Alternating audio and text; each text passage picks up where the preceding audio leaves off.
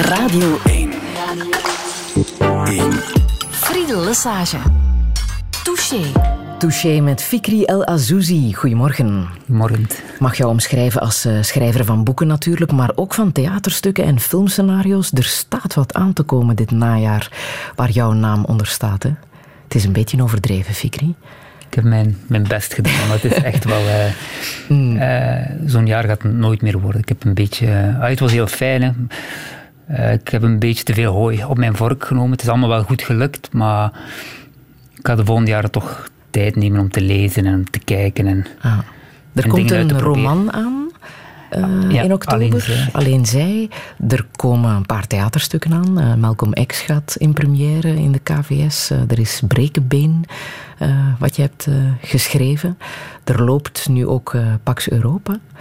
En wat er het eerst staat aan te komen is zometeen de première van de film Figurant, waar jij het scenario van geschreven hebt. Gaat zometeen in première op het filmfestival in Oostende. Ja, ja. Dat heb ik vorig jaar, denk ik, of twee jaar geleden geschreven. En hebben we die samengemaakt. Uh, Daniel Lambeau als regisseur en dan Junior Mtombeni als, als hoofdredacteur. En we hebben dat eigenlijk met bijna geen geld gemaakt. We hadden gewoon zoiets van, kom we doen dat gewoon, we maken een film over een, uh, een drugsdealer die dat eigenlijk droomt van om acteur te worden. Hij is heel goed in het drugsdealen, maar in, in het acteren is hij eigenlijk waardeloos. En het is een licht autobiografisch geïnspireerd op een, uh, een vriend van mij. Die, uh, een vriend van ons, uh, die nu aan het maken is als acteur. Mm -hmm.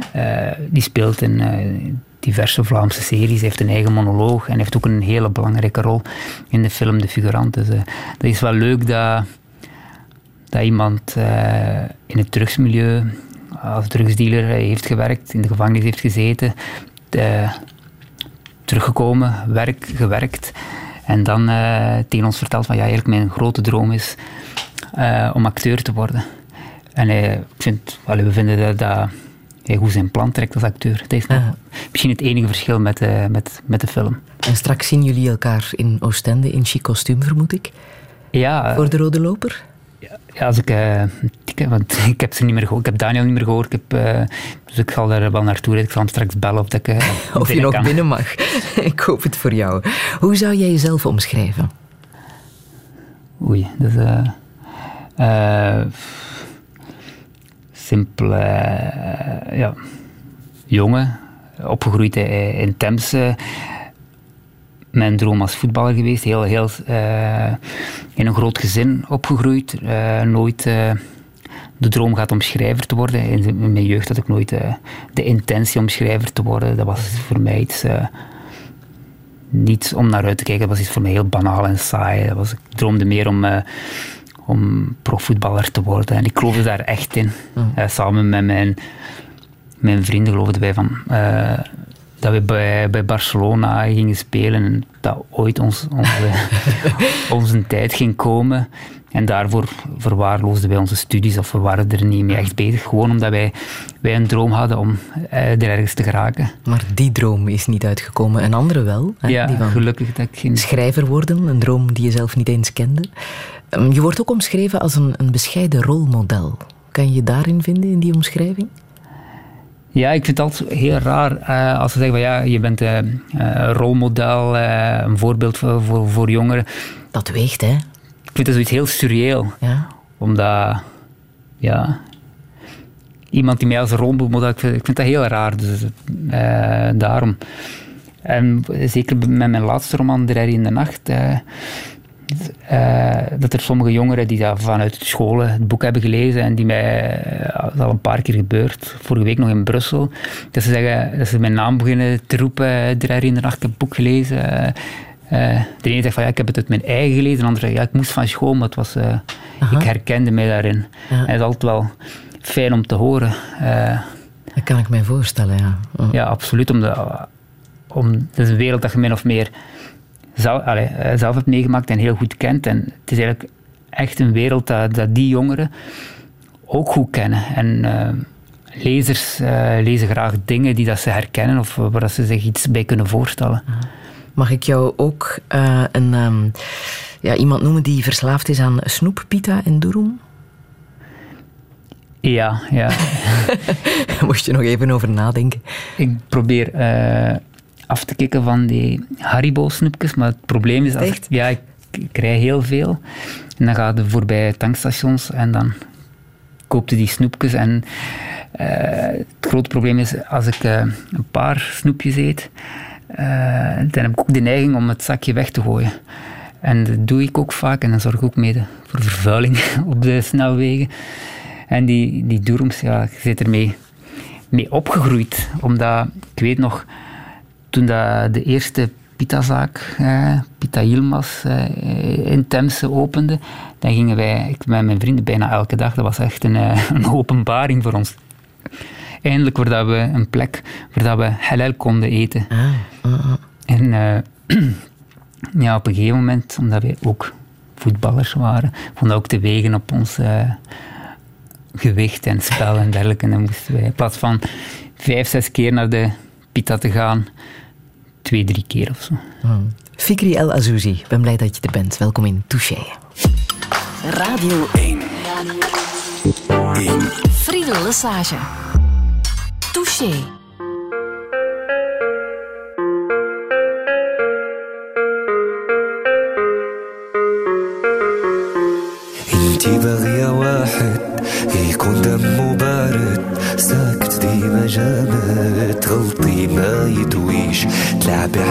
العشرة ما يعودش الهضرة.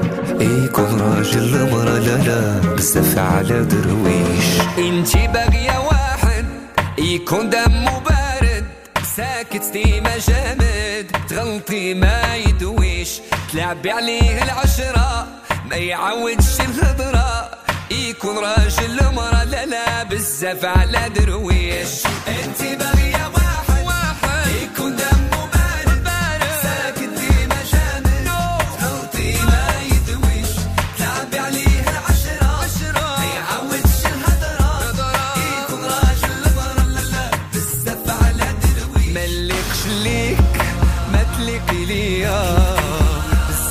عليك وصعيب تلعبي بيا.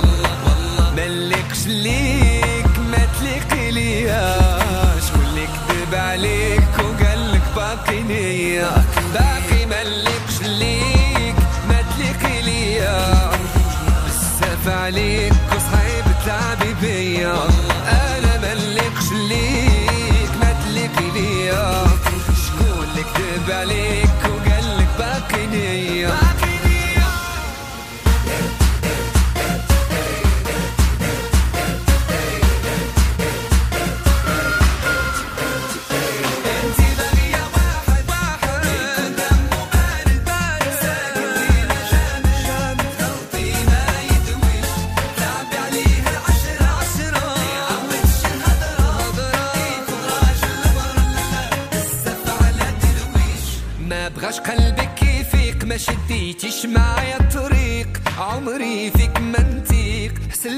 بعد عليا راه ربي سبحانه خلق كل واحد في مكانه علامات الساعة بانوا إلا تحكمتي فيا انتي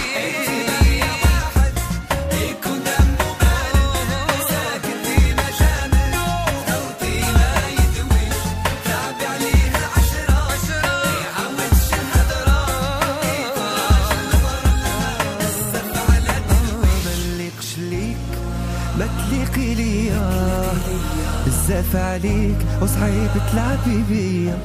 أنا ملكش ليك ما تليقي ليا. بزاف عليك تلعبي بيا. ملكش ليك.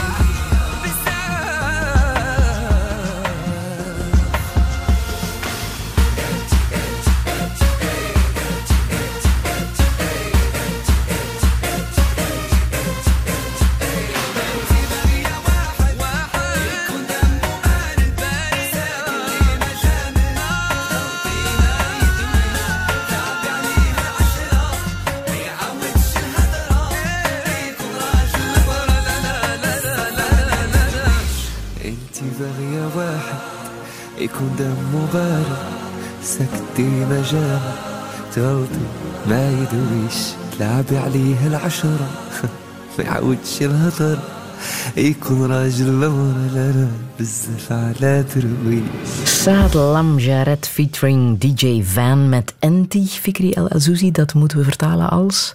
Zij, denk ik. Ja, ja, het, gaat over een eh, gebroken liefdesrelatie. en eh, het is een eh, mega YouTube-hit, heb ik me laten vertellen. MTV-prijzen gewonnen. Saad Lam Jared, we leren elke dag bij. Er is hinder door een ongeval op de E17 van Gent naar Kortrijk in de Pinte. De linkerrijstrook is daar versperd ter hoogte van kilometerpaal 43.1.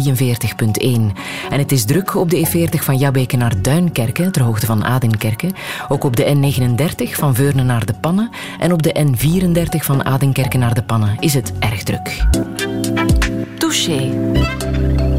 Fikri El Azouzi. Morgen vieren de moslims het offerfeest. Dat is eh, afgelopen week eh, weer een reden geweest tot eh, gigantische discussies rond het onverdoofd slachten. Je hebt zelf ook een column geschreven over dat onverdoofd slachten. Maar wat heeft jou nu het meeste geraakt in alles wat is komen bovendrijven voorbije week? In verband met het offerfeest. Ja. Dat, voor mij was het gewoon eh, opnieuw weer een, eh, een vingerwijzing eh, naar de moslims. Dat ze toch niet zo goed willen meewerken en dergelijke. En ik snap niet goed waarom daar zo'n heisa is over het offerfeest, terwijl dat bijvoorbeeld de vleesindustrie, zowel ook de halalvleesindustrie, wa- waar dat echt eh, de dierenleed, allee, je kunt dat met geen woorden beschrijven, en daar wordt eigenlijk eh, weinig of eh, bijna niks over gezegd, terwijl als het moment van het offerfeest is, dan is heel die discussie over eh, verdoofd, onverdoofd slachten, dan laait dat helemaal op en dan gaat dat over waarden en normen, et cetera. Dan staat iedereen in, in de loopgraven en is het gewoon wel eens eh nietjesding is. Terwijl dat, ik geloof echt dat we met elkaar moeten praten en dat er wel een, eh, een oplossing gaat komen op lange termijn. Maar als je gewoon begint eh, te verbieden, eh, dan gaat je nooit niet een moslim, de moslimgroep bereiken. En dan voelt die groep zich opnieuw geen volwaardige burgers in de- deze samenleving. En dat is voor mij heel, heel jammer. Ja. En hoe sta jij tegenover dat verbod op onverdoofd slachten? Ik, eh, ik ben eh, voor mij eh, een eh verdoofd slachten. Daar ben ik wel voorstander.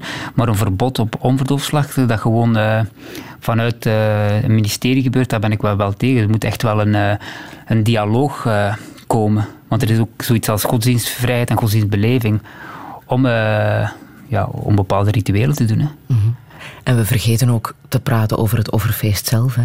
Ja. Het lijkt alsof dat het alleen maar die discussie is die aan bod komt. Hè? eh, Ja, Als het over het offerfeest gaat. Ja, offerfeest is zoals kerstmis. eh, het is echt een, eh, een samenzijn hè, eh, tussen families en dergelijke.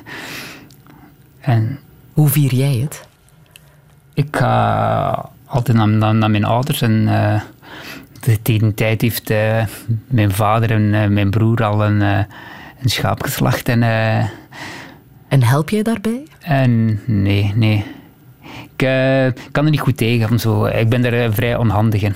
Dus als het moet, kan ik het wel eh, doen. Maar mijn, mijn broer is er wel, mijn vader is er wel heel goed in. En waar en hoe doen zij dat dan?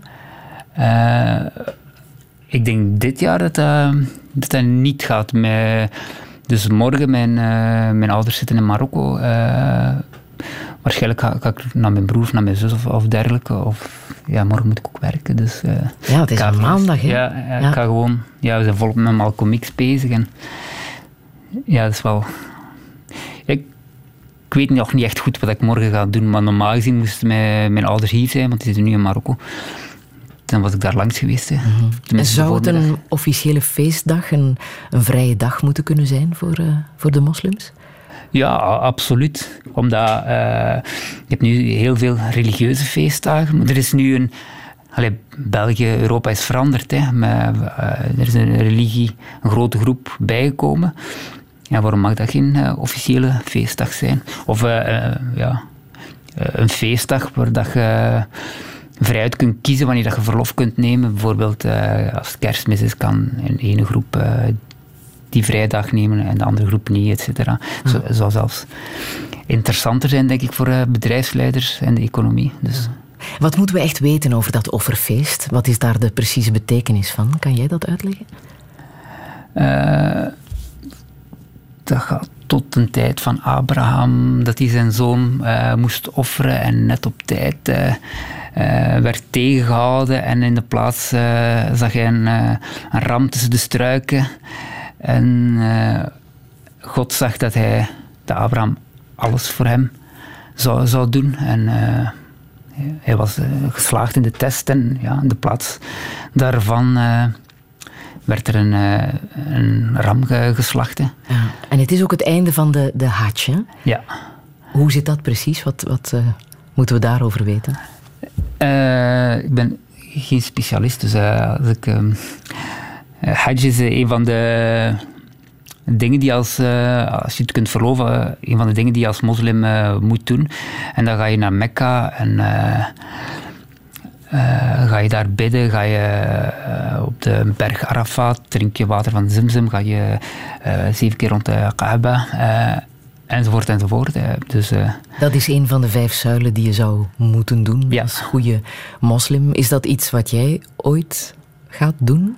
Ik denk het wel. Ik denk wel dat ik dat, dat mij kan inspireren. Want eh, we zijn met een stuk van Malcolm X bezig. Dus Malcolm X in zijn beginjaren was hij heel radicaal. wat op zich ook goed, goed kan zijn. En naar het einde van zijn leven is hij naar Mekka gegaan.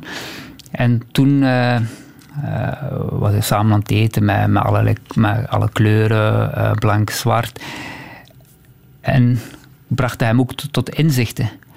En misschien kan dat mij ook tot inzichten brengen of anderen. Dus, eh, en ik vind het wel een... eh, Is dat de reden waarom je het zou doen? Of is het ook nieuwsgierigheid? Je hebt de kans om het mee te maken. De eh, grootste reden is uiteraard omdat, dat, omdat ik een moslim ben. Hè. Dat is een, van de, een van de rituelen die, die, die je moet doen. Hè. Maar ook uit nieuwsgierigheid, uit inspiratie, uit iets wat ik wel in mijn leven wil meemaken. Het is verboden terrein voor niet-moslims, hè, Mekka? Ja. Wat vind je daarvan? Eh, eh, dat weet ik niet goed. Het is ook iets van, van Saudi-Arabië. eh. Ik weet het niet goed. Dus het kan voorbij. op het moment zelf misschien, omdat het zijn echt mensen die hun, hun geloof beleven, maar misschien als het niet tijdens de is, het zou zelfs positief zijn als eh, niet-religieuzen of mensen met een andere religie het konden bezoeken en het kon- konden meemaken. Hè. Misschien is dat zelfs interessanter. Kunnen ze, kunnen ze zelfs zieltjes winnen. I don't know. Ja, en misschien ook begrip creëren. Absoluut. Wat doe je nog meer om een goede moslim te zijn? Ik denk, als goede moslim moet je vooral gewoon een goed mens zijn. Hè. Dat is vrij universeel. hè. Dat is eigenlijk het belangrijkste. hè. Geloven in God en goed mens eh. Lorsque l'on tient entre ses mains cette richesse, avoir vingt ans dès le lendemain, plein de promesses, quand l'amour sur nous se penche pour nous offrir ces nuits blanches, lorsque l'on voit loin devant soi rire la vie brodé d'espoir, riche de joie et de folie. Il faut boire jusqu'à l'ivresse sa jeunesse.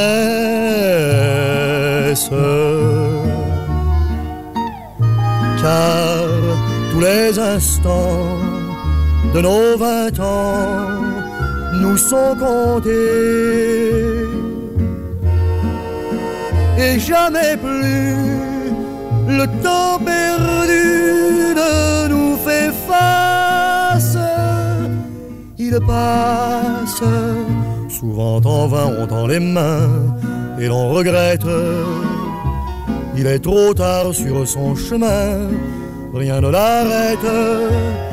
On ne peut garder sans cesse sa jeunesse.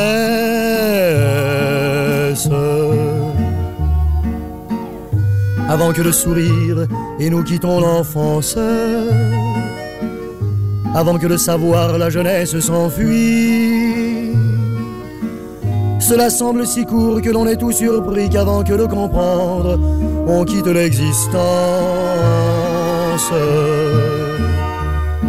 Lorsque l'on tient entre ses mains cette richesse, avoir vingt ans dès le lendemain, plein de promesses, quand l'amour sur nous se penche pour nous offrir ces nuits blanches.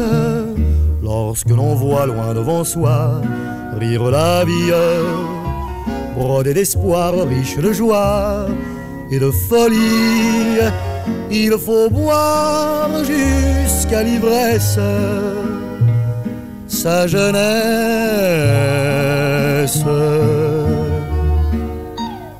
Car tous les instants de nos vingt ans nous sont comptés. Et jamais plus le temps perdu Passe. Souvent en vain, on tend les mains et l'on regrette. Il est trop tard sur son chemin, rien ne l'arrête. On ne peut garder sans cesse sa jeunesse.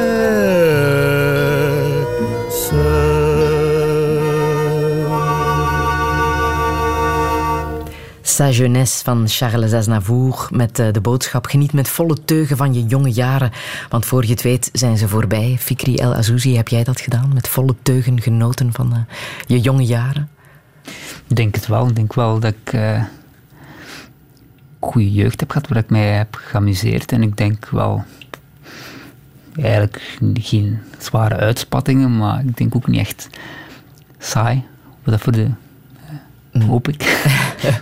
Als je uit zo'n groot gezin komt, uh, moet je moeite doen om een saai leven te hebben, denk ik. Hè? Jullie waren met negen ja, ja. thuis. Waar zit jij ergens in de rij?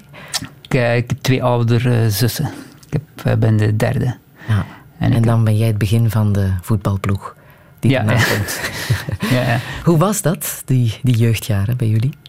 Altijd heel druk. En uh, elke, mijn zussen en mijn broers zijn allemaal vrij sterke karakters. Met uh, hun uh, eigen mening. Dus dat botste ook vaak, maar ook heel vaak gelachen. -huh. mijn moeder hield ons wel goed op het juiste pad. Want mijn moeder is heel lief, heel zacht, maar als ze kwaad is, ja, dan moet je rennen voor je leven. Hè. en mijn vader was vooral heel hard aan het werken, hè, van s morgens tot s'nachts. Wat deed hij? die werkte, de fabriek bestaat niet meer, Van der Gucht als, als een pottenbakkerij. En dan was hij daar van s morgens zes tot ja, tot, tot een uur of acht of zo soms. Uh, en in het begin van zijn uh, carrière daar werd er ook op uh, betaald. Zoveel, zoveel van, als, je, als je meer zware potten kunt arrangeren, bakken, was eigenlijk een vorm van ook bandwerk. Hoe meer geld dat je kon. Dus mijn vader was heel hard aan het werken. Heeft hij heel wel, wel goed verdiend, maar hij stuurde ook heel veel geld naar Marokko, omdat ik denk dat mijn, mijn grootouders waren afhankelijk van hem en nog twee gezinnen, zijn zus en nog een broer. Dus die voelde zich wel heel verantwoordelijk. En, maar tegelijkertijd was hij dan ook bezig met zelf te bouwen en kijken waar hij een huis kan kopen. Dus die heeft toen hij op ja, min of meer afgedankt werd en op brug, brugpensioen kon gaan, heeft hij bijna op zijn eentje een appartementsblok gebouwd. Met, Echt? Ja, omdat, ik denk, ik denk dat omdat hij zo verslaafd werd geraakt aan de routine en aan, aan het werken. Uh -huh. En dat vind ik wel indrukwekkend, maar ook anderzijds ook wel eh, eh, triestig, omdat je ook geen eh, andere dingen kunt doen of dat je bijna geen plezier in eh, andere dingen meer hebt, omdat je telkens die routine hebt van hard werken, van s morgens tot, eh tot s'nachts, eh eigenlijk als een, eh, een soort voorwerp, een gebruiksvoorwerp. hè. Je ouders zijn in de jaren zeventig naar Temse gekomen. Hè? Met welke motivatie was dat toen? eh, pure armoede. Hè. Eh, dus eh, mijn ouders zijn afkomstig van de Riftstreek bij, bij El Hussima en ja, die hebben daar ook echt honger geleden. Daar allee, is dat het heel moeilijk en dan is mijn, mijn vader is naar Europa, naar Corsica. Daar heeft hij wat gewer- eh, een tijdje gewerkt, ergens eind jaren 60, begin jaren 70. En dan is hij naar, eh, naar België gekomen. En daar heeft hij denk ik eh, twee, drie jaar gewerkt. En dan is mijn, mijn moeder overgekomen naar, naar België. Wat vertelt hij daar zelf over? Over die, die reis, die beslissing, die ja, toch verandering van leven? Eigenlijk niks. Ik heb dat ook via via gehoord. Dus, eh, hij praat, praat er niet, niet zoveel over. Dat is eh, eigenlijk de... Mijn vader is zo'n typische strenge vader, eh, die heel veel van zijn kinderen houdt, maar qua communicatie is het zo... met zijn kinderen, want bijvoorbeeld met, met vreemden of vrienden is hij heel sociaal, lacht hij en kan, is heel vlot. Maar vooral met de oudere kinderen loopt het wat stroef, eh, de communicatie. En nu met ouder worden is hij toch zachter geworden. Want ik, ik zie bijvoorbeeld met, met mijn jongere zussen hoe daar de, de verhoudingen zijn. En dat is totaal anders. Dus eh, vroeger stond hij altijd heel scherp om eh, te werken. En die verwachten ook bijvoorbeeld van mij dat ik hard werkte. En ja, Had hij iets in gedachten wat, wat jij moest gaan worden later als je groot zou zijn? Ik denk iets eh, met status. Dokter. eh, Ja? eh, Of eh, iemand handig, maar ik ben totaal onhandig. Twee linkerhanden tot en met. Dus, bij, bij klusjes die we moesten doen, ja, dan moesten mijn zussen het doen. Hè, want ik werd dan, ja, je kunt toch nu wel. Op zich was het ook wel handig en moest je niet. Mm. Studeren, was dat een optie? Voor jou? Eh, mm, eigenlijk niet. Omdat, eh, dus het, cliché, eh, in het zesde studiejaar, dat was bijvoorbeeld ook met, met Almaty en Rashida Lamrabet, eh, die directeur haal- haalde heel goede punten. De directeur die zegt van ja, maar ASO voor hem gaat daar zich niet op zijn plaats voelen. TSO, er zijn er ook mensen die hij kent en zo. En ik zie in hem wel een vakman, terwijl ik met mijn linkerhanden, en dan volgde ik technisch en toen moest je sommige technische vakken doen. Eh, en dan raakte ik gefrustreerd en eh, begon ik het een beetje uit te hangen op school. Eh, typische cliché, buitengeschopt en dan nog je weg proberen zoeken. Maar uiteindelijk is het wel oké gekomen. Behoorlijk goed gekomen, ja. ja. Je hebt toch ook even gestudeerd, hè? Ja. Ja, ja, ik heb eh, eh, een tijdje in de VUB, Pol en Sok, gestudeerd. Maar De- niet afgemaakt. Niet afgemaakt. Dan was het eh, eh, ik alleen wonen, eh, samenwonen, moest er geld op eh, binnenkomen, want huur, elektriciteit, et cetera betaald en alleen studeren. Dan had ik het geweldig idee om dat in eh, avondschool te combineren, maar ik ben niet zoals mijn vader, die eh, kan blijven gaan op een gegeven moment. Ze zijn helemaal kapot en heb ik het gewoon niet meer gegaan. Terwijl ik eh, iemand die van een BSO-onderwijs zevende jaar volgt, en ik zei, ja, je moet echt een inhaalmanoeuvre doen, om, eh, terwijl ik dat helemaal, dat gevoel niet had. Ik had zoiets van, oh ja, is het uit? Dat is eigenlijk niet zo, niet zo moeilijk. eh. maar dat komt, denk ik, omdat ik altijd al heel veel gelezen heb, ook boeken, kranten, alle weekbladen, Humoknak en, enzovoort. En dat, dat helpt echt. Dat, is echt, dat was denk ik mijn, eh, mijn opleiding.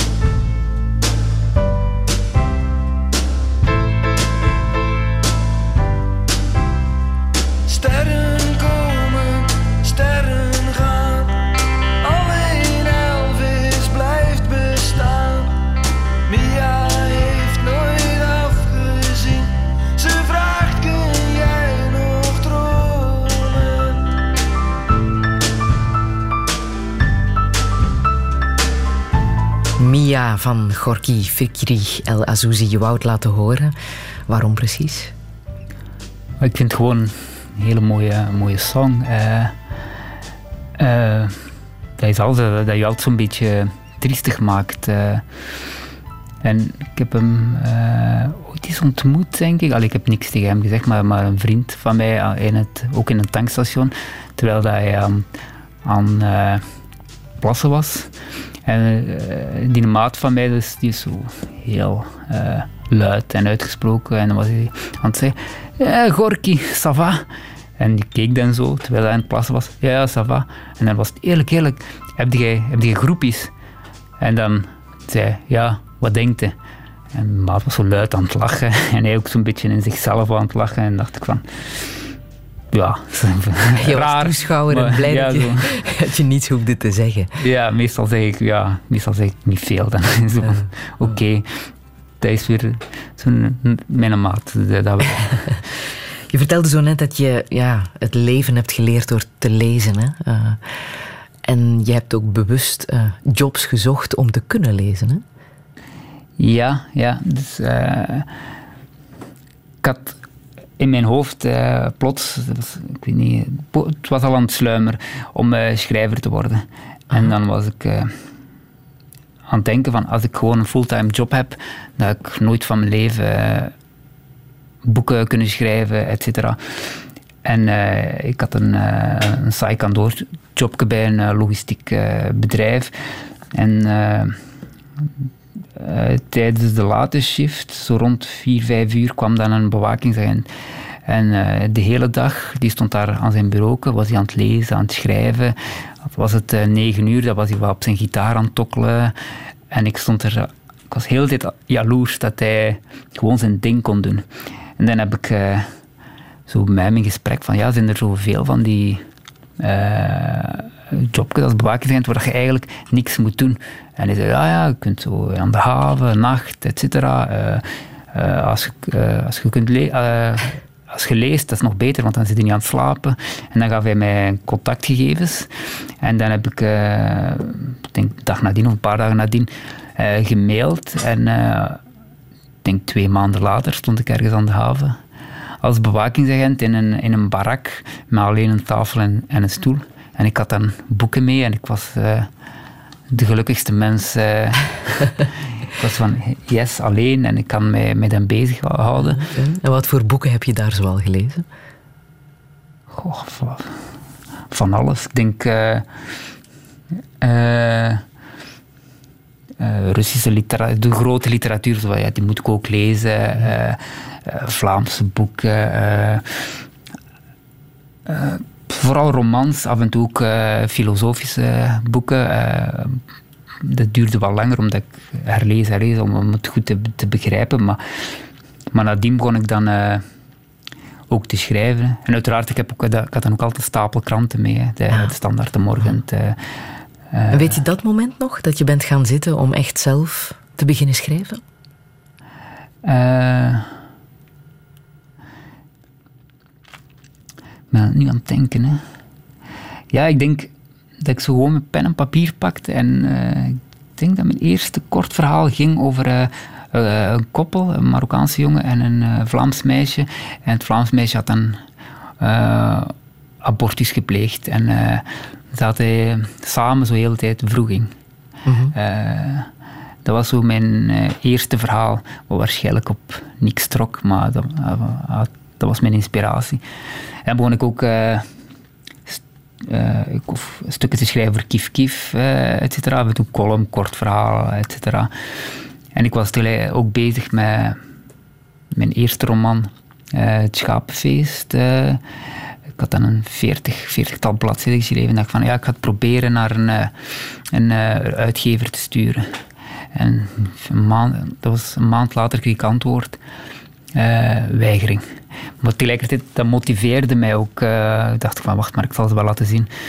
En eh, een, ma- een paar maanden later had ik denk, ik, 150 pagina's geschreven en stuurde ik het op naar drie, vier uitgeverijen. Eh, kon ook, twee uitgeverijen konden gewoon per mail sturen.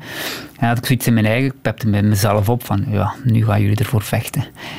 en ik had naar twee uitgeverijen via mail en dat was op een zondag. Eh, zondagmiddag.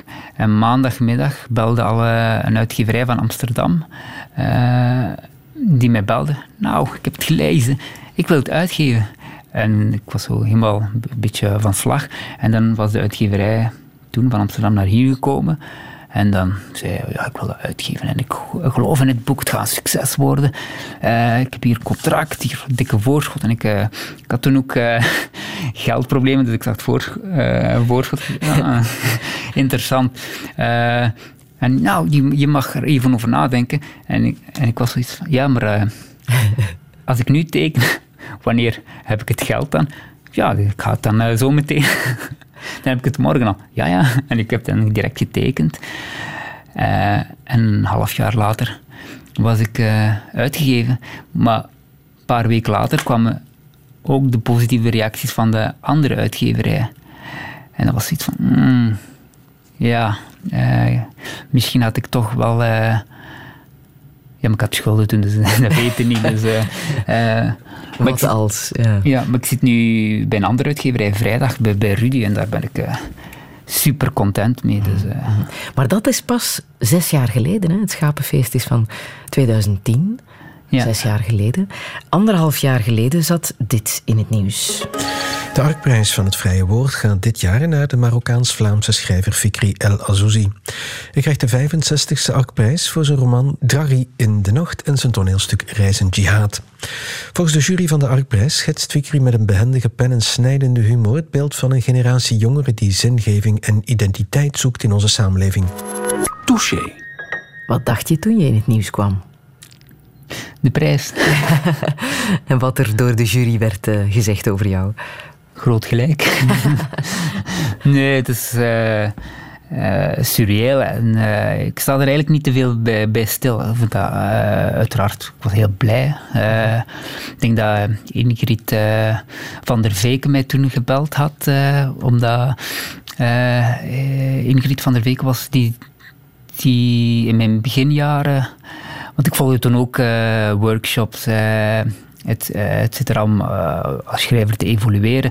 En er was eh, net voor het, eh, Schapenfeest, heeft, heb ik gevraagd eh, aan haar om eh, een paar weken in het schrijversvlat eh, in Antwerpen van, van Pen Vlaanderen. eh, zij was er toen verantwoordelijk en voor haar was dat oké, omdat er dan eh, net een andere schrijver uitviel. En daar heb ik... heel hard dan nog eens aan eh, het schapenfeest gewerkt.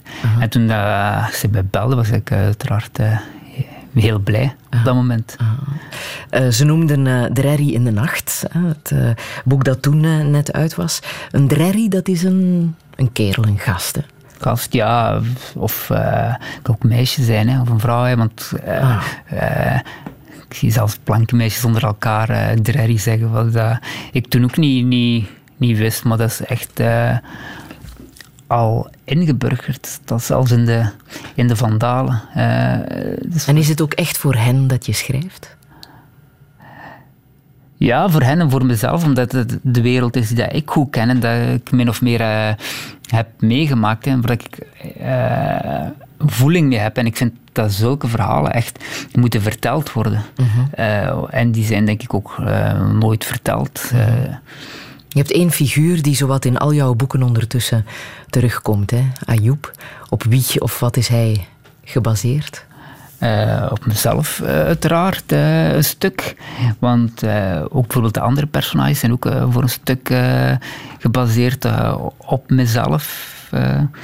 geïnspireerd, want je krijgt soms de, vraag als je lezingen ge- geeft, ja, heb je dit meegemaakt bij Hoe autobiografisch hoe is het? autobiografisch is, eh, i- is het. eh, het is geïnspireerd en sommige stukken zijn, eh, zijn echt gebeurd en andere eh allee, echt gebeurd en je maakt er zelf iets eh, creatief van. Hè.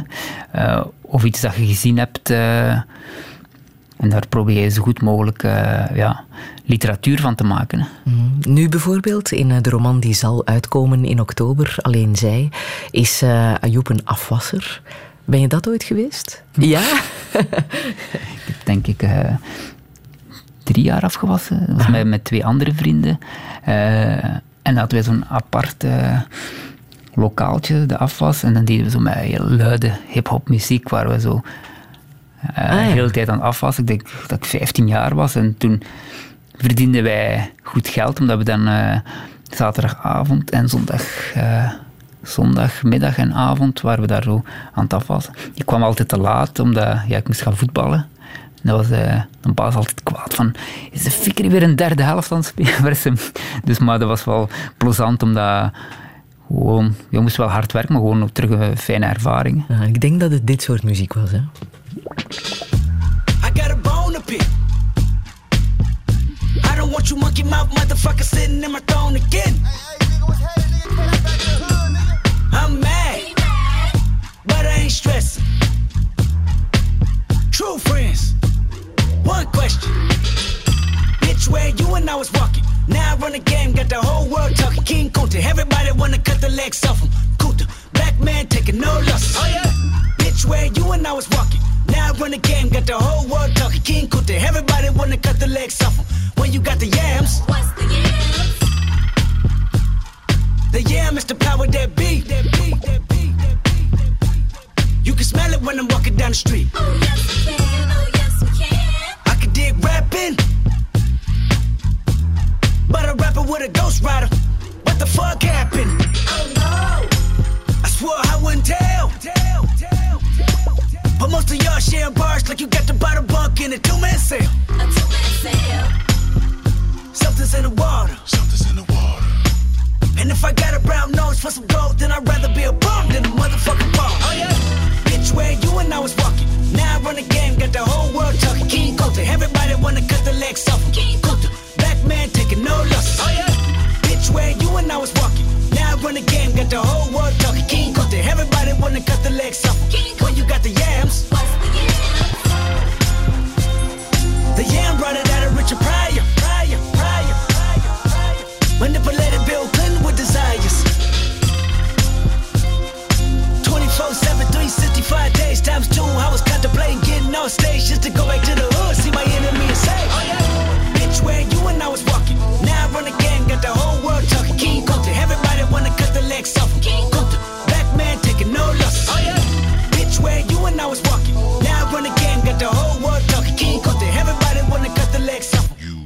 Mouth mammy fucker. I was gonna kill a couple rappers, but they did it to themselves. Everybody's suicidal, they didn't even need my help. This shit is elementary, I'd probably go to jail if I shoot at your identity and bounce to the left. Stuck a flag in my city, everybody screaming Compton. I should probably run from here when I'm done, to be honest. And I put that on my mama and my baby boo too. 20 million walking out the court building, whoa, whoa. Oh yeah, fuck the judge, I made it past 25, and now I was a little nappy headed nigga with the world behind him. Life ain't shit but a fat vagina, screaming, Annie, are you okay? Annie, okay? Limo tinted with the gold plate, straight from the bottom. Mr. Belly of the beast, from a peasant to a prince to a motherfucking king. Oh yeah, bitch, where you and I was. By the time you hear the next pop, the funk shall be within you. Now I run the game, got the whole world talking. King Kunta, everybody wanna cut the legs off. him. King Kunta, black man taking no losses. Oh yeah, bitch, where you and I was walking. Now I run the game, got the whole world talking. King Kunta, everybody wanna cut the legs off.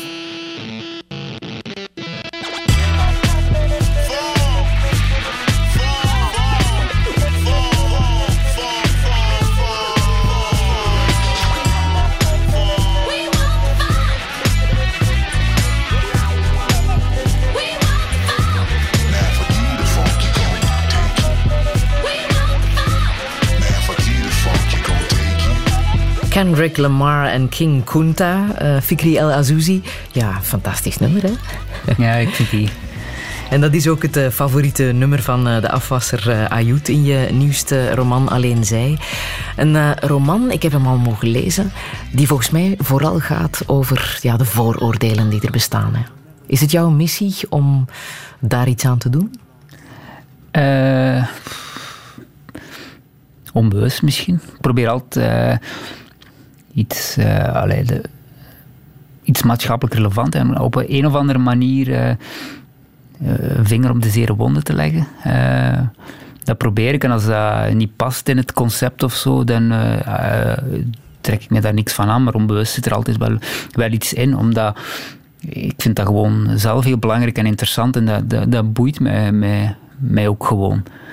Het vooroordeel dat dat soort gasten in de auto gaan cruisen en een beetje betekenisloos gaan rondrijden in de stad, muziekje opleggen, Ja. heel keihard. kan u ook tot, tot rust brengen. Ik doe dat ook eh, eh, regelmatig. Gewoon, gewoon wat rijden en eh, je weet zelfs niet goed eh, waar je terecht komt. Eh, ik, ben, ik gisteren zelfs met, eh, heel toevallig met een maat gaan cruisen richting Eindhoven.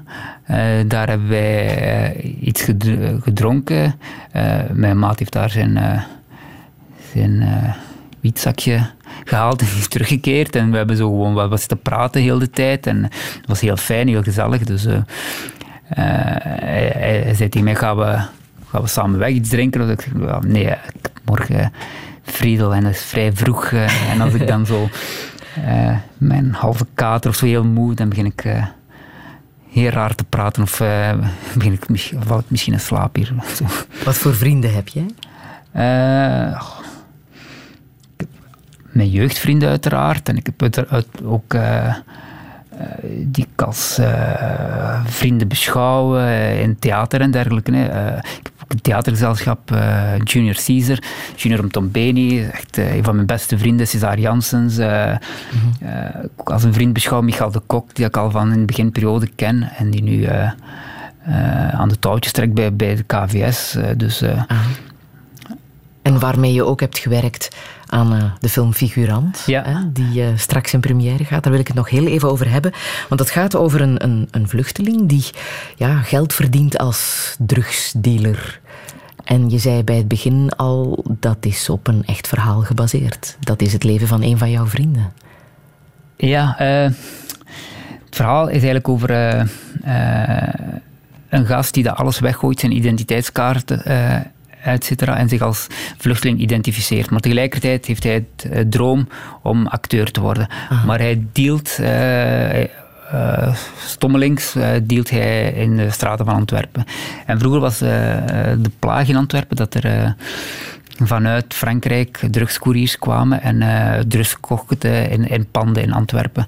En toen werd daar, eh, werden daar eh, illegale eh, sans-papiers gezet en die moesten dan verkopen van die, van die dealers.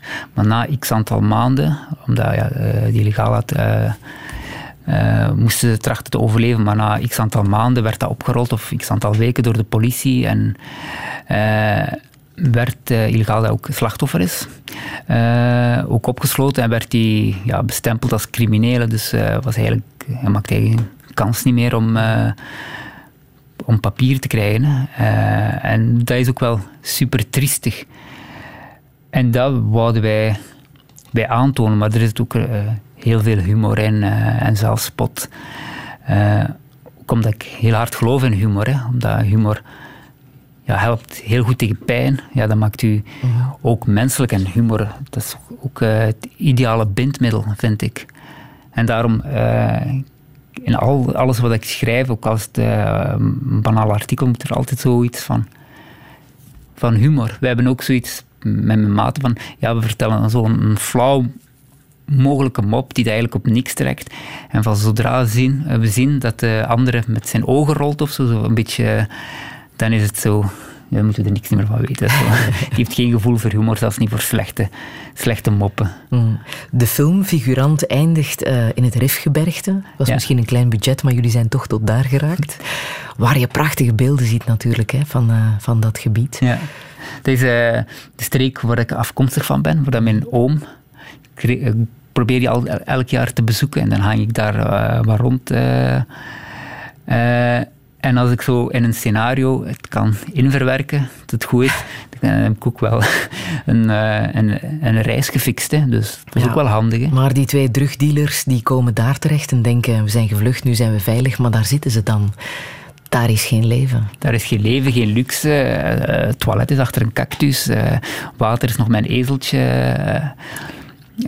een half uur shocken naar, naar ergens. Dus, Jij gaat er wel af en toe zitten om te schrijven. eh, ja, in een notitieboekje zo wat proberen, maar het is ook heel zwaar om daar te leven. En Gewoon, ah, ik ben daar eens in de winter gegaan. Super koud en als je je daar moet wassen. Op een gegeven moment begon ik eh, me minder te wassen. was mijn oom van, kom, we, gaan- ga, ga wassen. Dus was, voor mij is het heel hard. Dus, eh, Fikri El Azouzi, we praten zo meteen verder in het tweede deel van Touché. Radio 1. Friedel Lesage. Touché. Touché vandaag met schrijver Fikri El Azouzi. Als kleine jongen wou hij voetballer worden, het liefst bij Barcelona. Maar toen hij bewakingsagent was, ontdekte hij de liefde voor literatuur. Hij begon zelf te schrijven, niet zonder succes. Nog geen zes jaar na zijn debuut Het Schapenfeest is hij een veelgevraagd auteur. Zelf viert hij morgen het offerfeest bij zijn broers. En de discussie rond het onverdoofd slachten roept ook bij hem zeer veel vragen op. Communicatie is de enige manier om tot een oplossing te komen. Elkaar beter leren kennen. Weg met de muren tussen mensen en religies. Alleen twijfel maakt je tot een wijzer mens. Hoe beleeft hij deze 9-11 en wat inspireert hem zo in het leven van Malcolm X? Allemaal vragen voor deze touché met Fikri El Azouzi.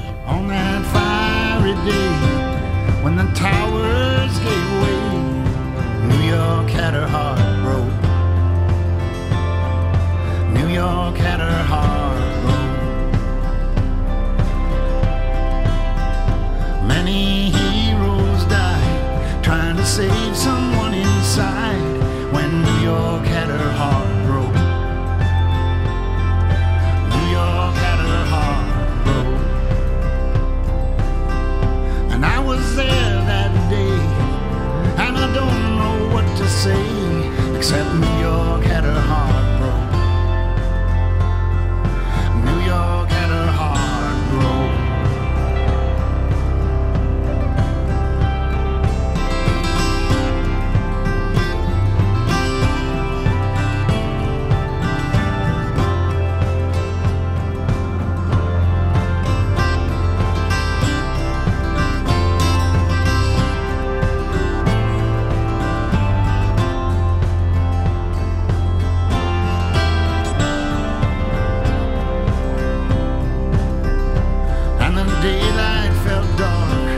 16s over Central Park when New York had her heart broke. We were dazed in the streets from the blood and dust and heat when New York had her heart broke.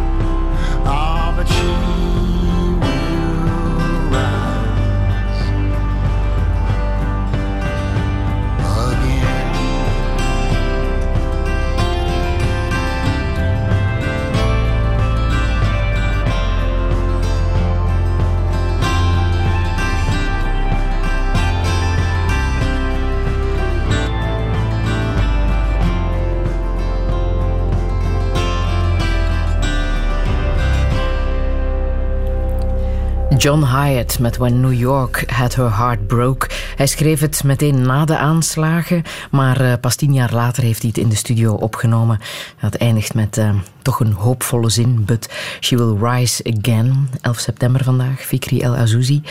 Het wordt nooit meer een dag als een andere. Ehm, Ik denk dat iedereen zijn verhaal heeft hoe hij 15 jaar geleden dat nieuws eh, binnenkreeg. Hoe ging het bij jou? Jij was een jonge twintiger op dat moment. Hè?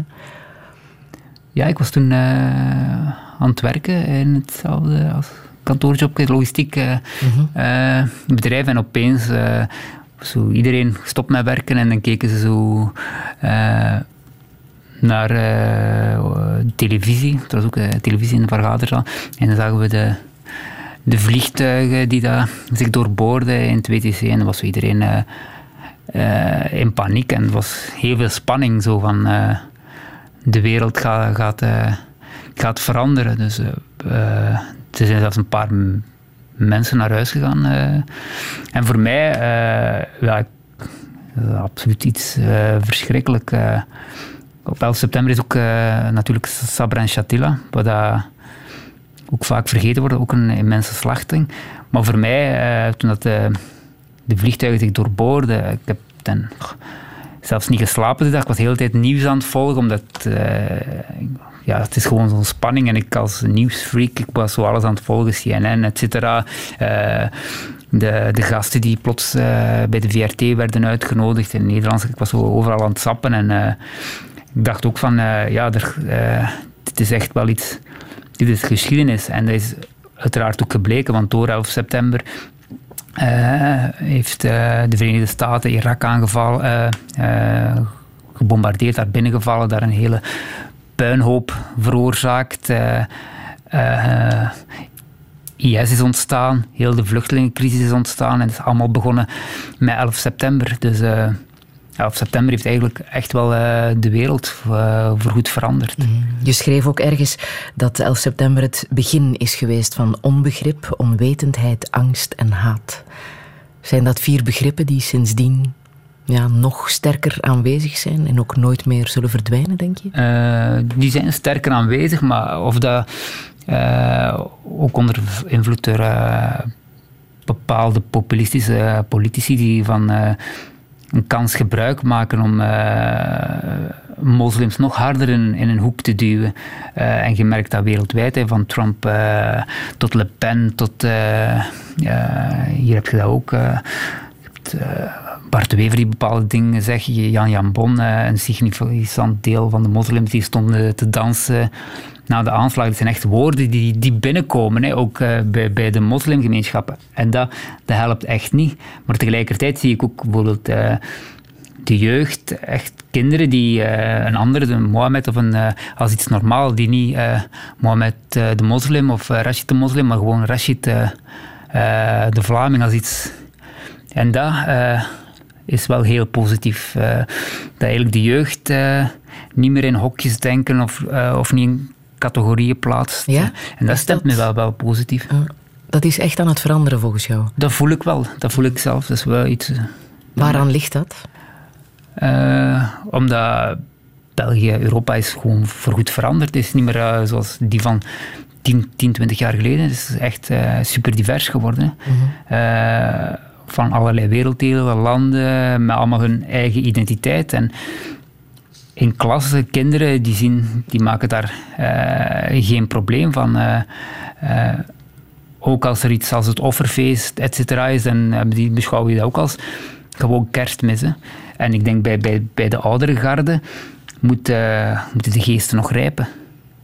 Nochtans heb je na de eh, gebeurtenis in Nice, begin eh, juli, eh, schreef je, ja, het wordt alleen maar erger. Het verschil tussen moslims en niet-moslims, dat zie ik niet goed komen.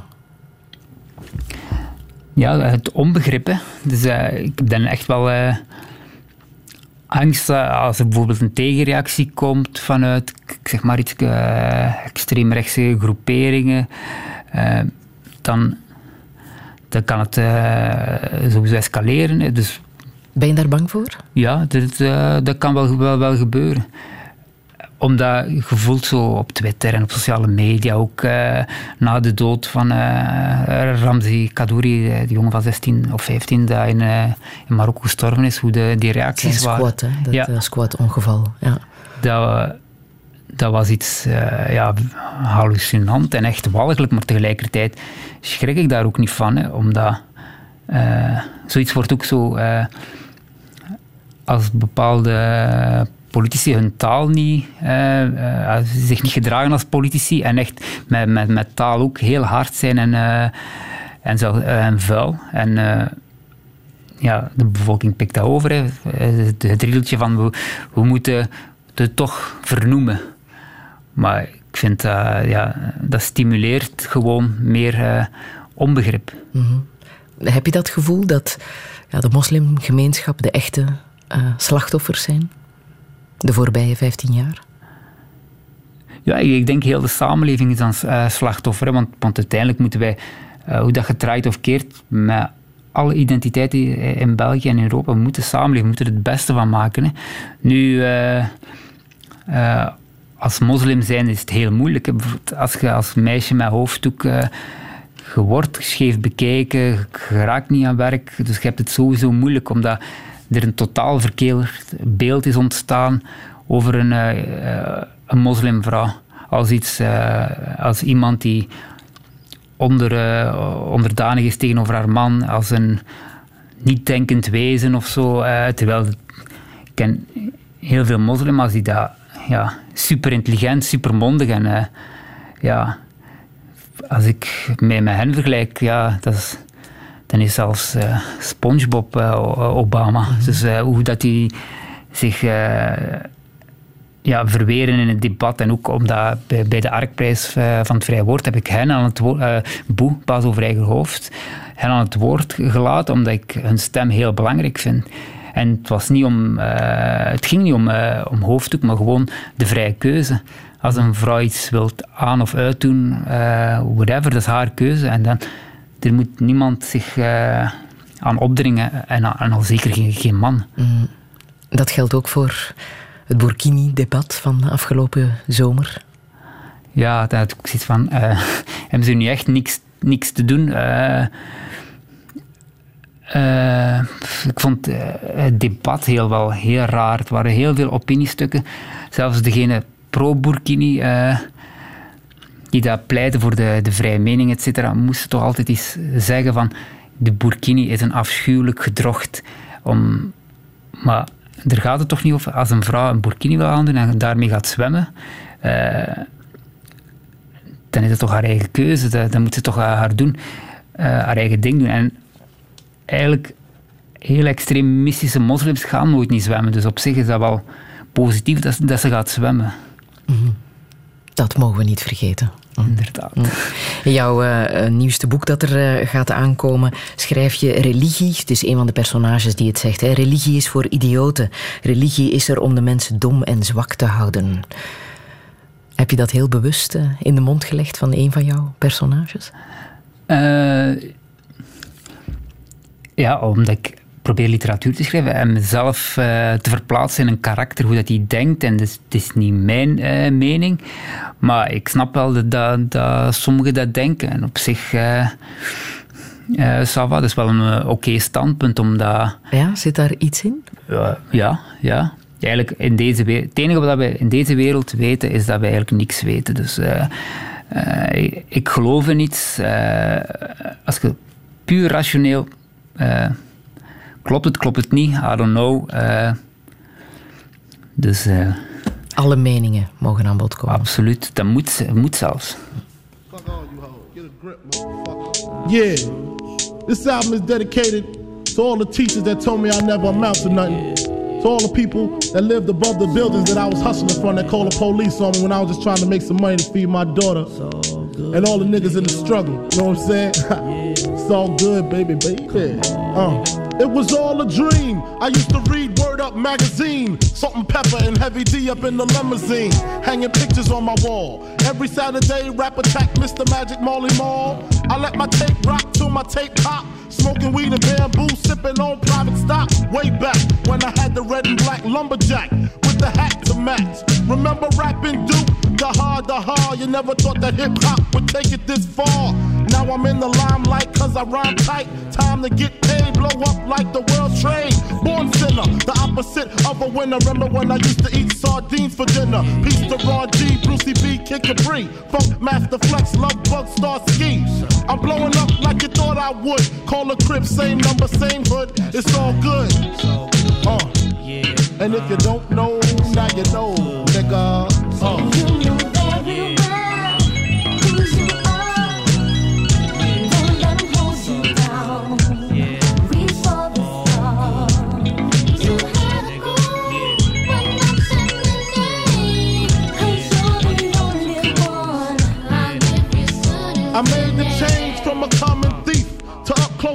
And personal with Robin Leach. And I'm far from cheap. I smoke skunk with my peeps all day. Spread love, it's the Brooklyn way. The Moet and Alizé keep me pissy. Girls used to diss me, now they write letters cause they miss me. I never thought it could happen, this rapping stuff. I was too used to packing gats and stuff. Now honeys play me close like butter play toast. From the Mississippi down to the East Coast. Condos in Queens, in dough for weeks. Sold out seats to hear Biggie Small speak. Living life without fear. Putting five carrots in my baby girl ear. Lunches, brunches, interviews by the pool. Considered a fool cause I dropped out of high school. Stereotypes of a black male misunderstood. And it's still all good, uh. And if you don't know, now you know, nigga.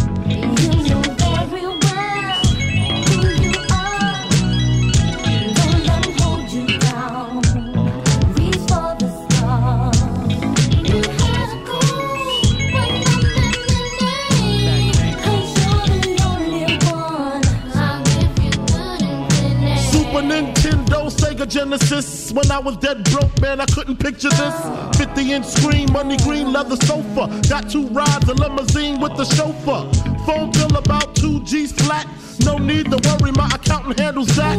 And my whole crew is lounging, celebrating every day, no more public housing.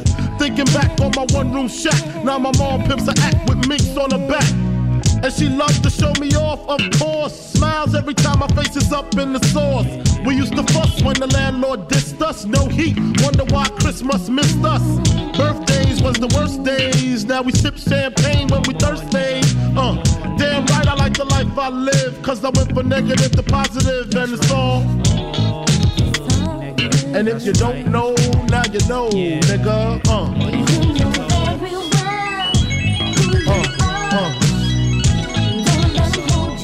And if you don't know, now you know, nigga.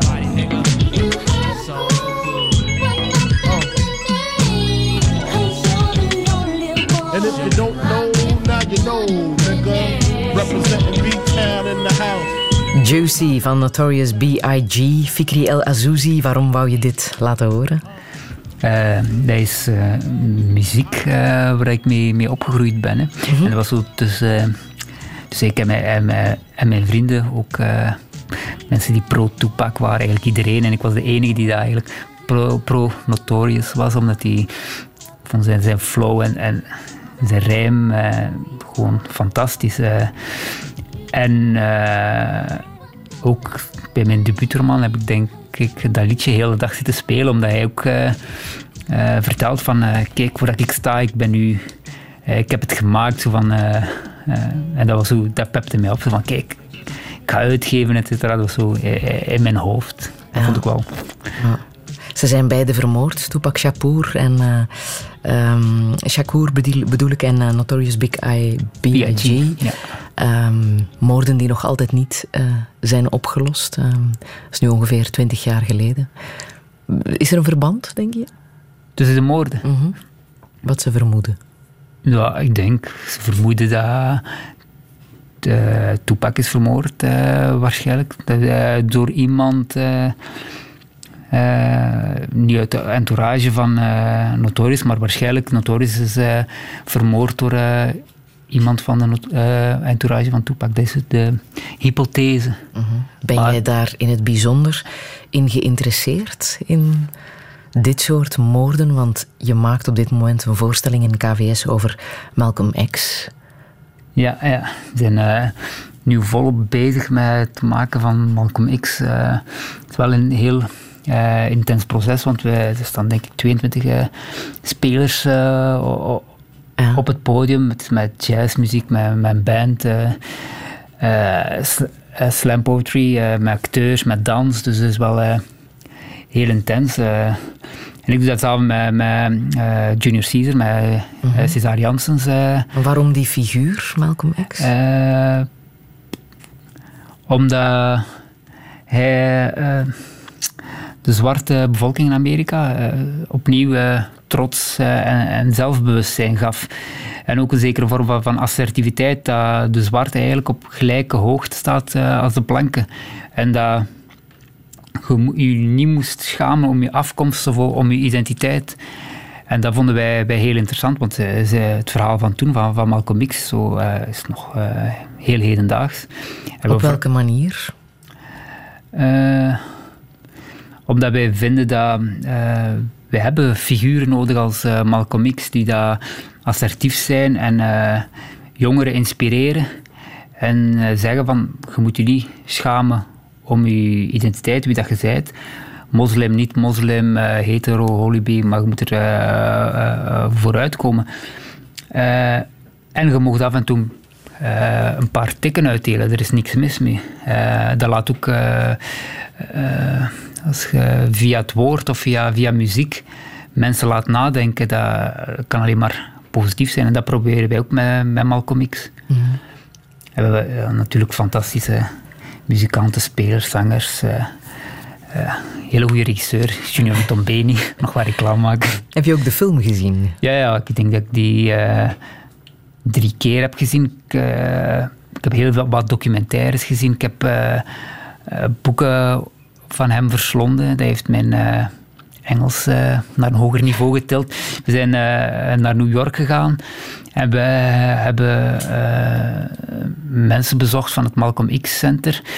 Dus, en nu proberen we ook om de dochter van Malcolm X naar Brussel te, te brengen. En zodat zij de première kan zien en ons eventueel kan ophe- ophemelen of afkraken. Dus, En heb je haar al ontmoet? Eh, aan de lijn gehad? we hebben haar eh, aan, de, aan de lijn gehad via een tussenpersoon. We gingen haar ontmoeten. Eh, maar dat is niet gelukt. En nu via een tussenpersoon eh, die haar wel goed kent. Maar hij heeft tegen ons gezegd van dat ze wel heel geïnteresseerd is om te komen. Dus eh, op hoop van zegen. Mhm. En wat doet zij op dit moment in het leven? Eh goeie vraag. Dat, dat weet ik niet. ik denk dat ze vooral. eh, eh, ik denk dat ze advocaten is, maar. eh, ik kan eigenlijk niet, niet op de vraag antwoorden wat ze eigenlijk eh, doet.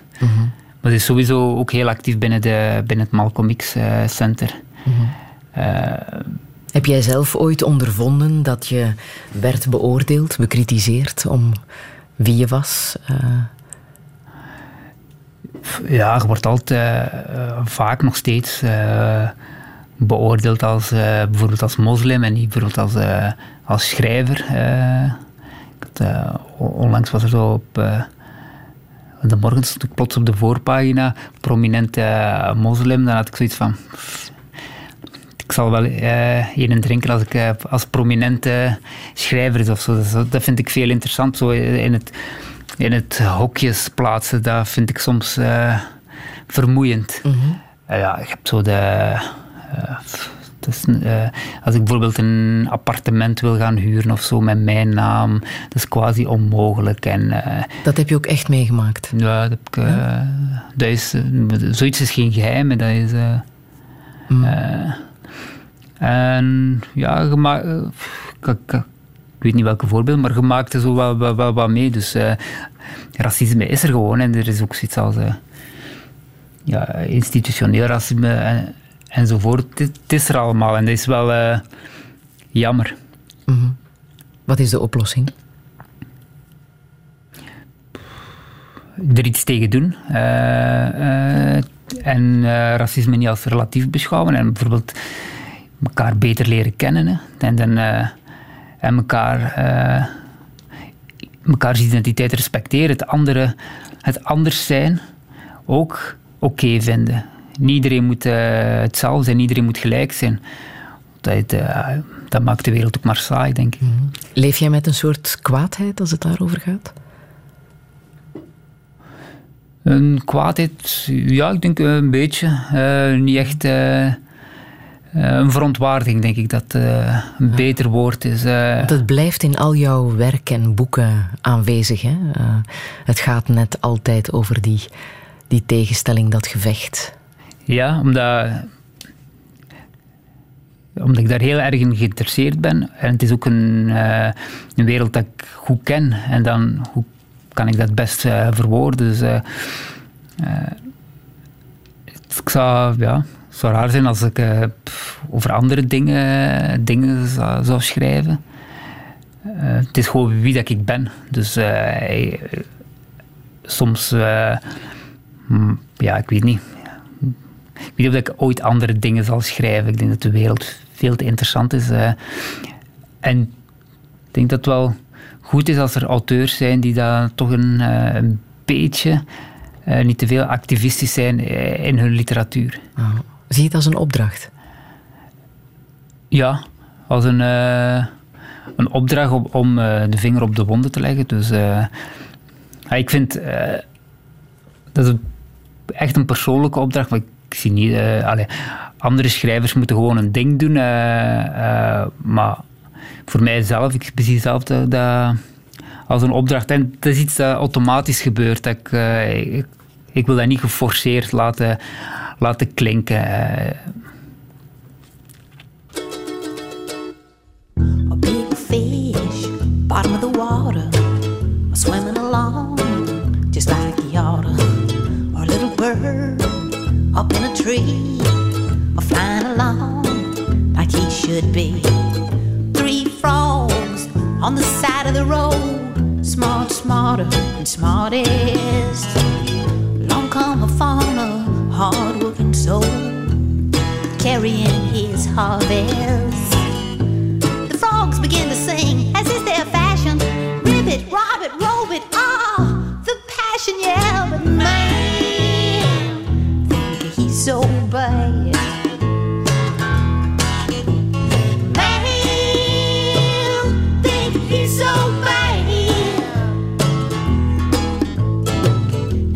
Hippopotamus down in that water must feel real good to him. Long time down he's been, or a big giraffe out in the yard. Eats the leaves from the trees, it ain't very hard. Three boys going into town to get them soda.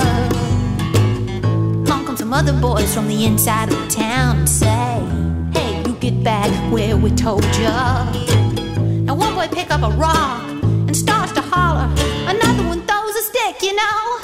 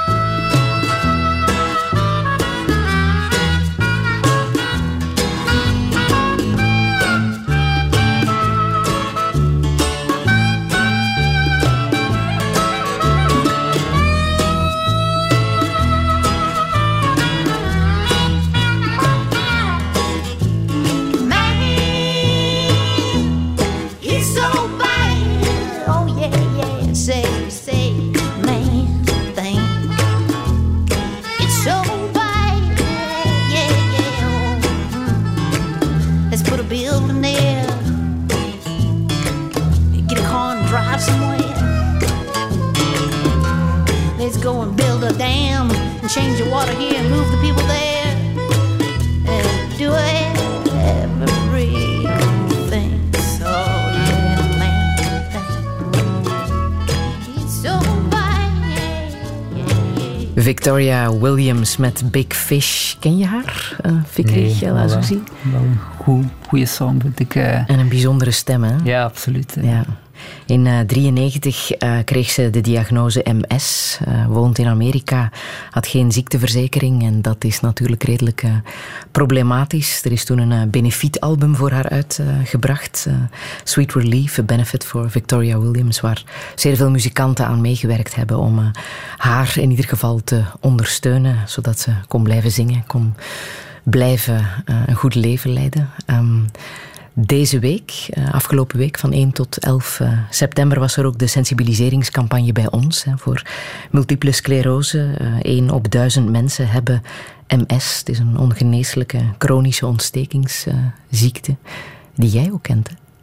Ja, ik heb het ook. Dus, eh, ik denk, ik heb het al 15 jaar. eh eh, eh,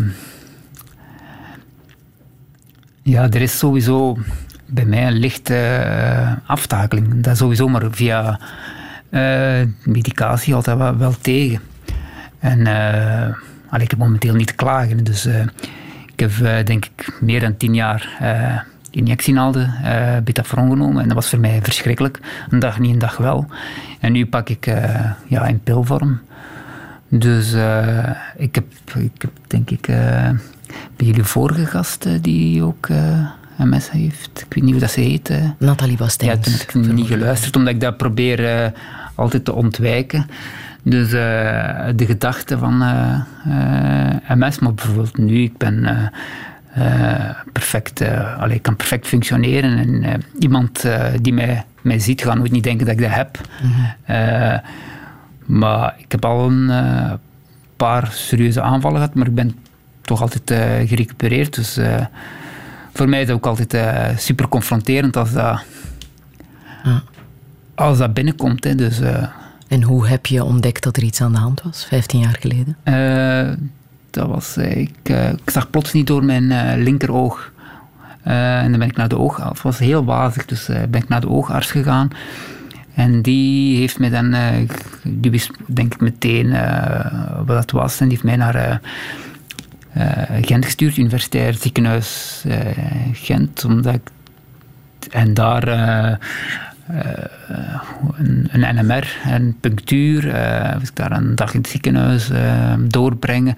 En dan was eh, ja, het verdikte van eh, ja, je hebt eh, MS. eh, en ik eh, wist totaal niet wat dat was. eh, en na verloop van tijd ja, begint dat door te dringen.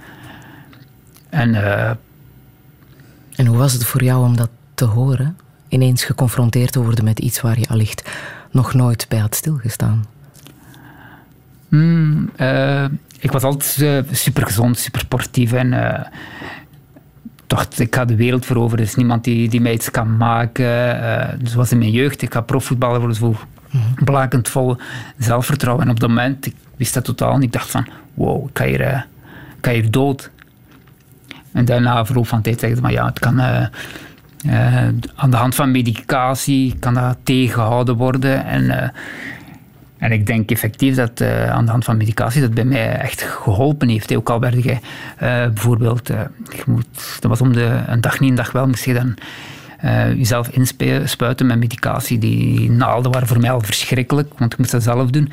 Maar je werd daar ook heel ziek van. Dus eh, je werd de volgende dag super moe en kapot. Eh, en dan, als je naar het einde van de dag toe eh, gerecupereerd was, moest je opnieuw die medicatie. Dat was tien jaar wel echt eh, wel afzien. En ik had ook altijd ik had zo een plekje gevonden eh, in mijn bil waar het zo minder, minder pijnlijk was om eh, de naald te injecteren. Maar dat was eh, de onderkant van de bil, maar dat mocht, mocht je absoluut niet doen. Altijd de bovenkant. en dan eh, moest ik daardoor geopereerd worden. Dus echt... eh, eh, ja, nu pak ik eh, pillen, elke dag een pil.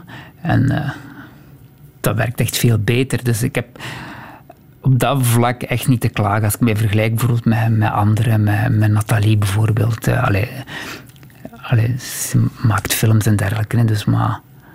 eh, Maar is het toch jouw groot stil verdriet?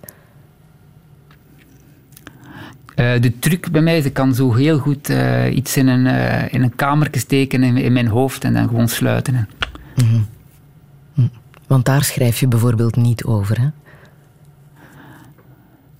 Ja, als je zo... Uh, in mijn nieuwe roman zit het er wel in. Aha. Dus omdat Ayoub zit er gebeuren allerlei rare dingen met hem. Dus uh, hij kan zijn, zijn handen beginnen uh, raar te doen. Hij raakt moeilijk uit zijn uh, woorden.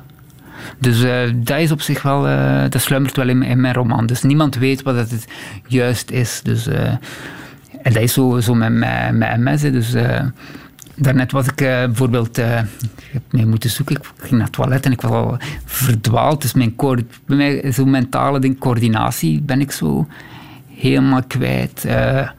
Vlotheid is zo, is, er zijn ook zo mentale, mentale aspecten die, die, die dat verminderen. En ik dacht vroeger, ja, uh, ik ben niet meer zo de, de vlotte chick-chack eh, gast van vroeger. Nu is het ook meer eh, nadenken, wat meer op mijn woorden komen. eh, en dan denk je van, ja, hoe komt dat? Vroeger was ik toch de super vlotte en kon ik zo super gevat zijn. En, ja. en dan ben ik zo gaan vragen aan dokters van, hoe komt dat? Kan dat door eh, zelf opzoeken? En dan hebben ze gezegd, ja, we weten het niet. Maar dat is ook wel een van de, de dingen dat, dat een probleem kan, kan, kan zijn. Bezorgt de ziekte jou een soort van sense of urgency? Want je bent nu ja, behoorlijk hard aan het werken. Hè? Veel theaterstukken aan het maken, aan het schrijven. De film die eh, nu uitkomt. Is er iets, ja, blaast er iets in jouw nek? Ik weet het niet, misschien onbewust. Ik zou het niet weten. Ik zou, eh, Heb je het gevoel, ik moet dit nu doen? Ik moet niet wachten? Sowieso, ik heb altijd het gevoel, ik moet het nu doen en, en niet te wachten, want je weet nooit niet. Je weet, eh, en dat probeer ik zo altijd zo een beetje af te sluiten. Zo van, Dat wil ik niet, eh, daar wil ik niet aan denken. It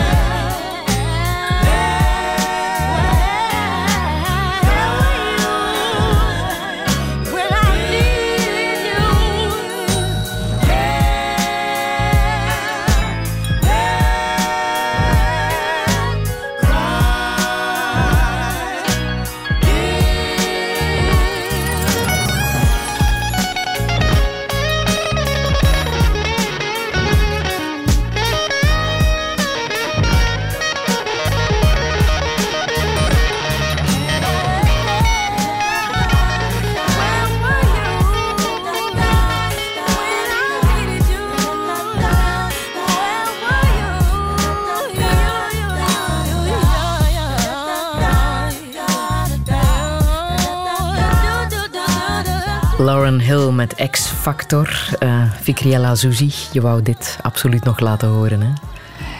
Ja, omdat ik wel een uh, grote fan ben van uh, Lauren Hill. Zeker uh, haar cd, ik ben de naam kwijt. net naar de Fugees ding. En ook omdat in het liedje een zekere tristesse in schuilt. En dat is ook de figuur, Lauren Hill, die daar eigenlijk een beetje... ja, gedaald is. Van, uh, ja, het heel moeilijk heeft. Hè, dus, uh, en dat vind ik altijd heel interessant, zulke uh, muzikanten. Mm -hmm. En ze zingt uiteraard over de liefde. Ja. Wat verwacht jij van de liefde? veel en ook niks. Dus iedereen wil liefde, hè. iedereen wil... kan romantische liefde zijn, kan, kan vriendschappelijke liefde zijn, kan erkenning zijn liefde voor de wereld. En dat wilde gewoon zonder uh, melig te klinken of, uh, of dergelijke. Ik denk dat iedereen liefde eist of liefde verwacht van, van een andere of van, uh, van een vreemde zelfs. Dus ik denk wel dat, dat, dat liefde gewoon bindt en ook in een samenleving. ja, er wordt te weinig over liefde gesproken, vind ik. Mhm. Mm -hmm.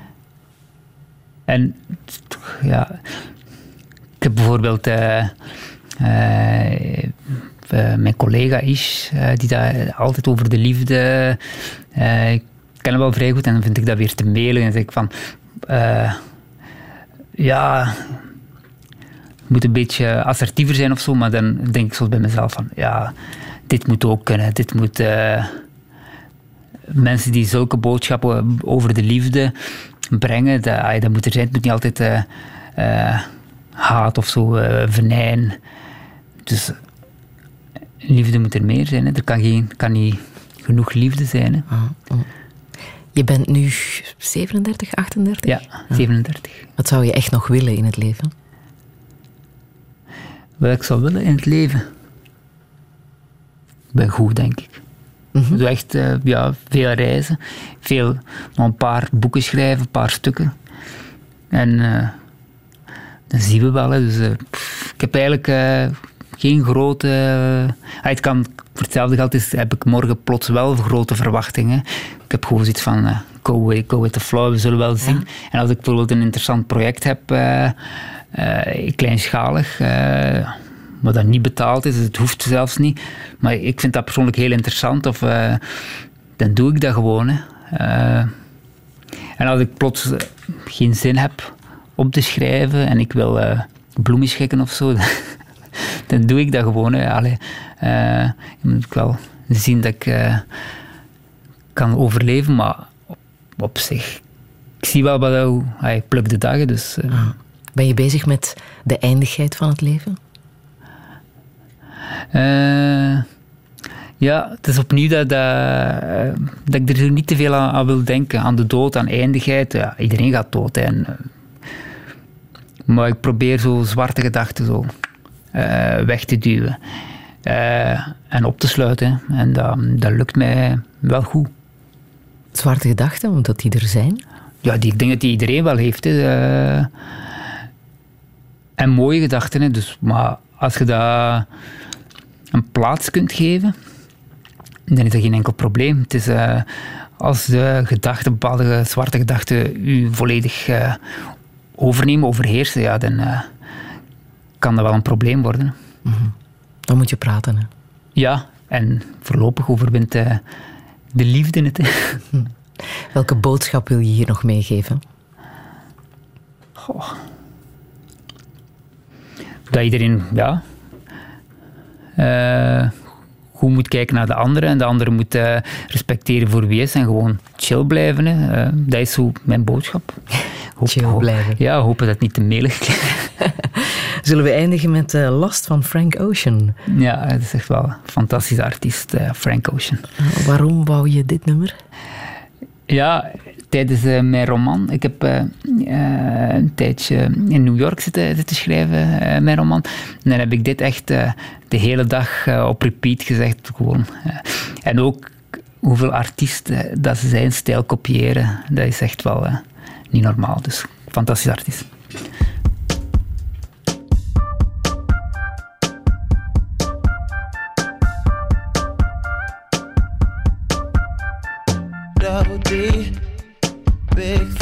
Breast on my baby. Triple weight, couldn't weigh the love I got for the girl. And I just wanna know why you ain't been going to work. Boss ain't working you like this. He can't take care of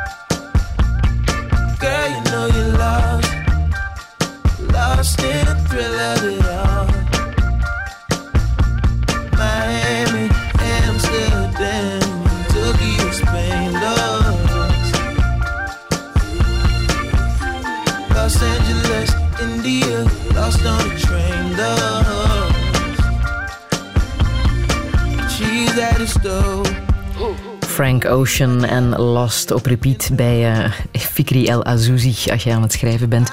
Dankjewel voor dit eh, fijne gesprek, Fikri. Alle info kan je straks terugvinden op onze website radio1.be. Volgende week verwacht ik hier psycholoog Joris Bruinings. Herbeluister Touché via de podcast Radio Plus en radio1.be. Radio 1. Altijd benieuwd.